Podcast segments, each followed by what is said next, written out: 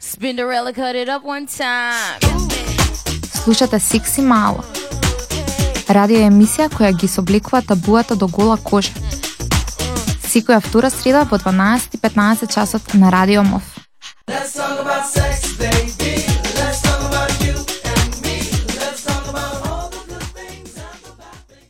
Уште една среда заедно со Секси Мала. Денес во студиото на Радио МОВ сум јас, Климентина, заедно со Јордан. Здраво, Јордан. Здраво, Тина. А, на почетокот од минатата емисија, тие што не слушале минатата среда, знаете дека зборувавме за ноември, годишниот настан кој започнува со небричање на мустаките и брадата, а, како символика која постои за да ја зголеми свесноста кај мажите во однос на нивното здравје. Подсетување за редовно посетување на уролог за да се открие потенцијална болест истата да се превенира. Така, од фондацијата на Мовембр велат дека настојуваат кон тоа да направат глобален придонес за мажите да живеат посреќен, поздрав и подолг живот. Но зошто баш здравјето на мажите? Една од причините е полот и тој како таков е еден од најсилните и најдоследните предвесници на здравјето и животниот век. Во просек во целиот свет мажите умираат 6 години порано од колку жените. Згора на тоа, оскудно, оскудното ментално здравје влијае повеќе на мажите од колку вржените. жените односно три четвртини од самоубиствата се кај мажите. Светската здравствена организација проценува дека 510.000 мажи на глобално ниво умираат секоја година од самоубиство. Тоа е по едно самоубиство во една минута. А, влијанието на ракот на простатата и ракот на, на тестисите е е значителен. Ракот на простатата е вториот најчест рак кај мажите во светот, а бројот на случаи се очекува да се зголеми речиси двојно, на 1,7 милиони случаи до 2030 година. Кога зборуваме за репродуктивното здравје, треба да обрнеме внимание на репродуктивните процеси, функциите и на репродуктивниот систем во сите фази од животот. Според тоа, под репродуктивно здравје се подразбира дека луѓето можат да имаат одговорен, задоволувачки и побезбеден сексуален живот и дека се способни да се размножуваат и притоа да ја имаат слободата да одлучат дали, кога и колку често. Продолжуваме со мала музичка пауза, за да во вториот блок продолжиме со за тоа колку младите во Македонија се информирани за своите сексуални и репродуктивни права. Може.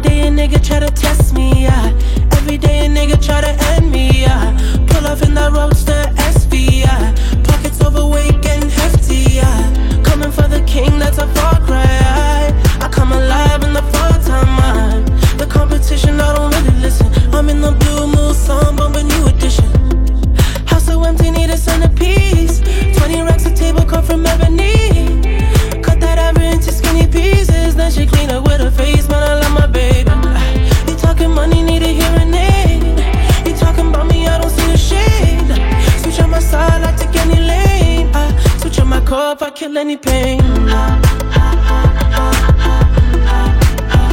Look what you done.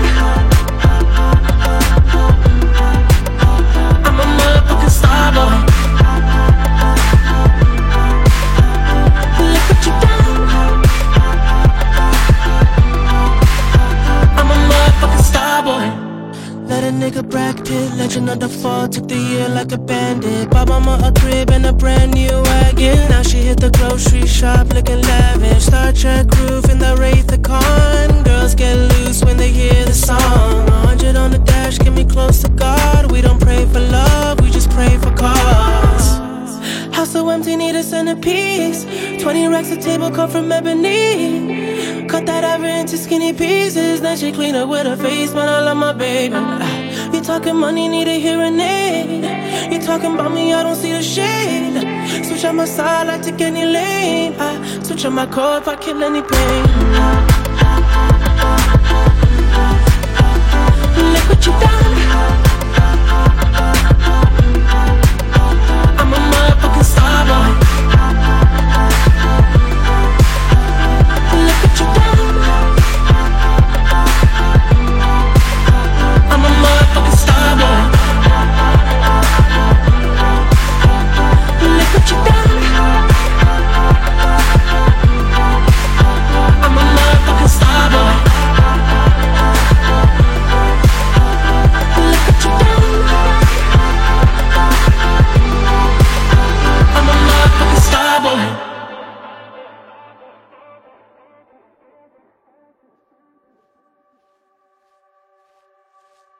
Се враќаме повторно во студиото на Радио МОВ.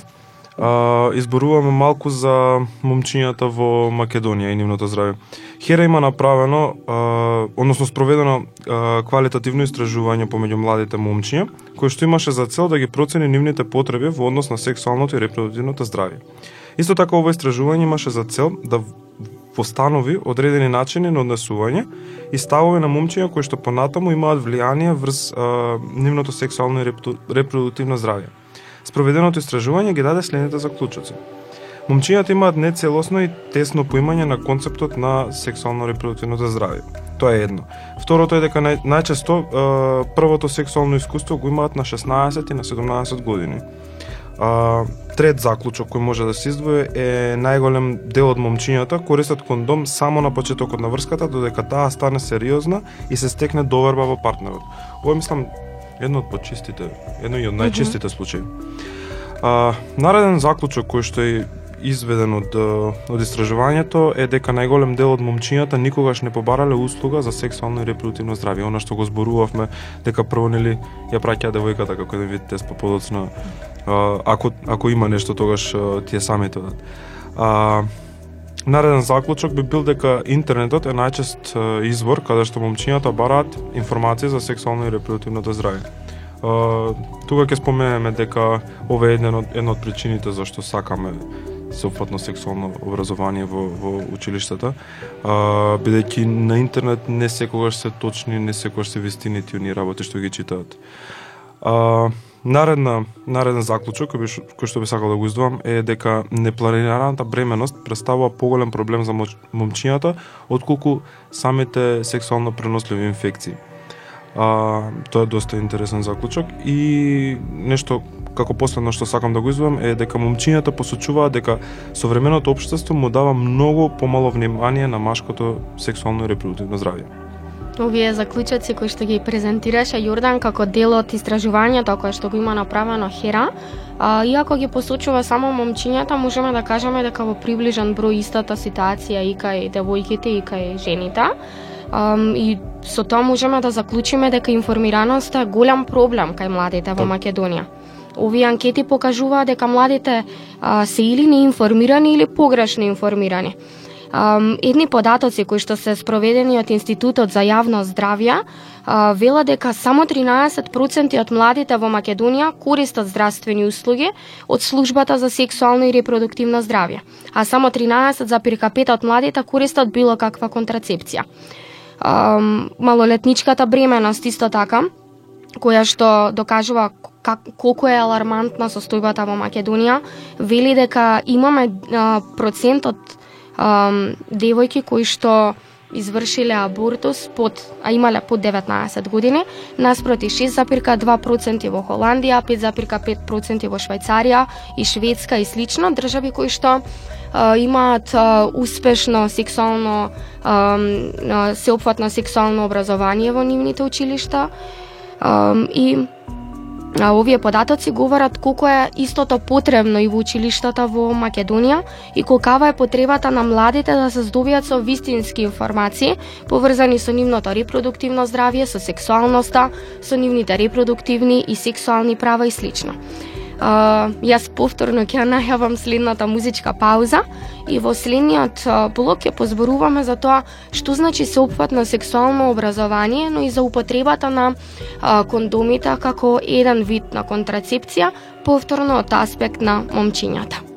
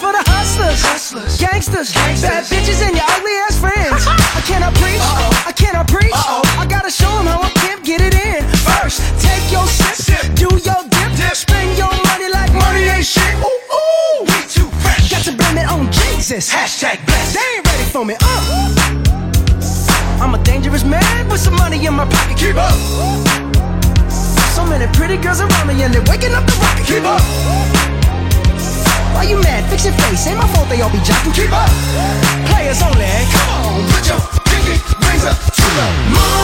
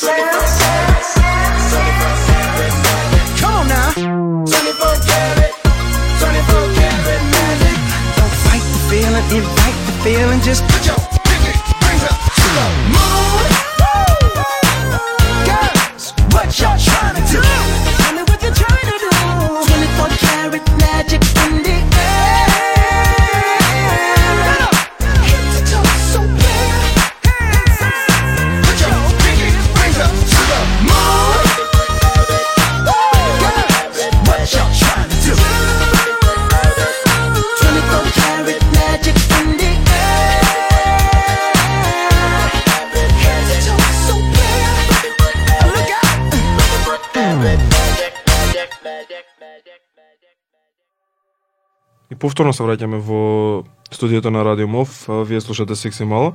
А, во овој блок ќе позборуваме малку околу сеопфатното сексуално образование, но и како што спомна Тина, повеќе онаа врска момчињата и кондомите.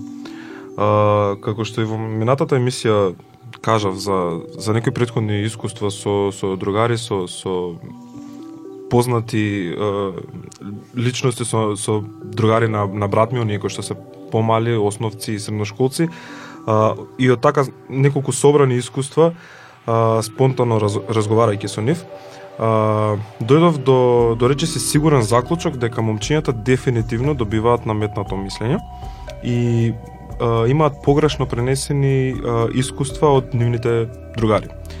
Е сега има она реченица која што е доста позната, мислам дека сите ја знаеме као не е добар, не е комфорен сексот со кондом, тоа не чини, а, не се чувствува убо, удобно, ме стега и се тие работи.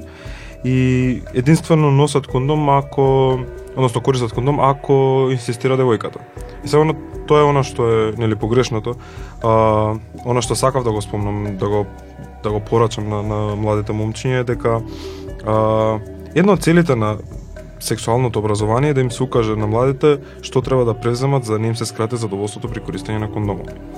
А, треба да им се каже дека мора да се купуваат проверени марки на кондоми кои се дерматолошки тестирани и сигурни, без разлика што се поскапи, нели? Е сега, а, мора да се спомни фактот дека постојат големини, дека не се сите константни. Има една а, во, обично во средните школи кога ќе се зборува за, за кондомот, велат дека нели, момчиња, фреерчиња велат дека премале се кондомите за нивните пениси и има дел од едукаторките кои што пробале и го навлекле на цела рака кондомата. Неодамна гледав и клипче каде што а, нав, а, навлекоа кондом врз баскет. Значи као цел баскет успеа да влезе во кондома, така да она реченица дека е премал и дека е претесен од старт не важи. А, Сакав да споменам дека мора да им се покаже како правилно да наместат. Значи, е, она што и го прават едукаторите од ХЕРА во основните средни училишта, а, дали со банана или крстајца некаков модел каде што може да се да се направи една симулација на тоа е, како точно се става. А дори на нашата Facebook страна може да го видите клипчето кое што го направивме неодамна за како правилно да ставите кондом. А, Она што исто сакав да го споменам е дека неправилното местење е причина а, број 1 за дискомфорт, но и за кинење. Некои од нив дури ставаат еден врз еден кондом, значи као два кондома од една штука доаѓа до најголемо триење и до најголемо пукање. Мора се посоветуваат како да изберат кондом, од каде да го купат, како да го наместат и како да внимаваат на него за време на сексуалниот акт. Ако овие работи се знаат, а, можеме да предпоставиме дека момчињата не би имале проблем со помало задоволство или дискомфорт заради употреба на кондом при сексуалниот однос и мора сериозно да им нагласиме на сите оние кои што ќе чујат нашата емисија дека факт е дека кондомот не се носи само за да се заштити и од несакана бременост, туку тоа е едно од контрацептивните средства кое што штити од сексуално преносливи болести. Um, тие не се толку ретки. А, Во Македонија имаме пораст на хламидија, на ХИВ и на СИДА и затоа мораат сите да внимаваат. На младите момчиња и на девојки и на девојките мора да им се утврли таа фикс идеја во нивните Така. глави дека ам, ова ова не им се случува на некои други, туку може да ни се случи и на нам, може да им се случи и на нив.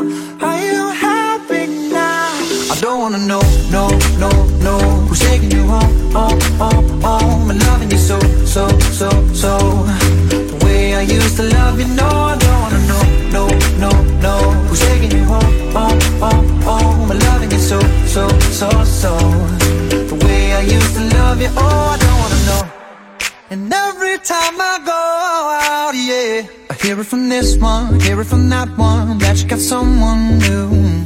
Yeah, I see but don't believe it. Even in my head, you're still in my bed, maybe I'm just a fool.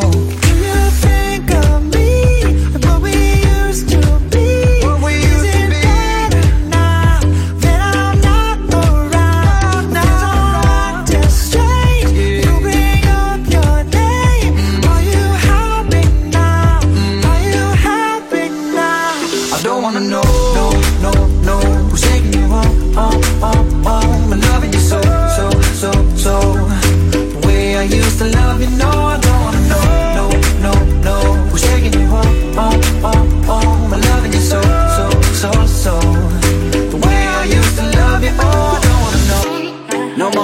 Hashtag booed up screenshots. No more trying to make me jealous on your birthday. You know just how I make you better on your birthday. Oh, do we do you like this? Do we will you like this? Do we let down for you, touch you, pull you like this? Matter of fact, never mind. We gon' let the past be. Maybe here's right now, but your body still. I don't me. wanna know, no, no, no, who's taking it wrong? Oh, oh, oh, loving you so, so, so, so. The way I used to love you, no,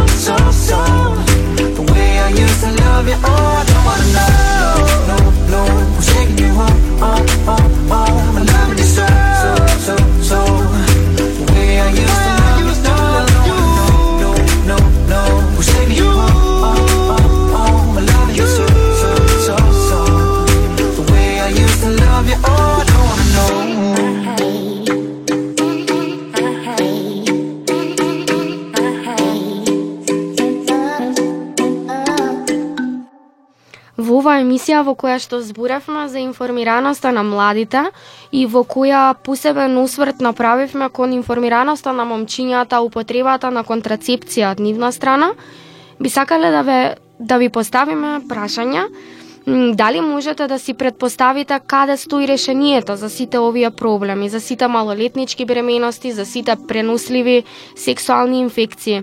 Дали има место за забрана и колку таа може да има ам, прав ефект во запирањето на распламтените хормони.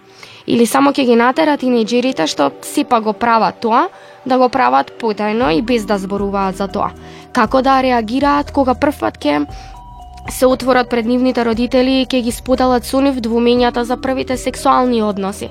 Дали да дали да ја дозволите на вашата керка да замине на одмор со своето момче или да го донесе дома на преспивање. Дали и понатаму важат два аршина за машките и за женските деца во семејството. На сите овие прашања кои што ги поставивме на крајот од оваа емисија ќе ви одговорат секси малци во наредната емисија во среда во 12:15 часот. Поздрав. Spinderella cut it up one time. Слушате Секси Мало. Радио емисија која ги собликува табуата до гола кожа. Секоја втора среда во 12:15 часот на Радио МОВ. Let's talk about sex.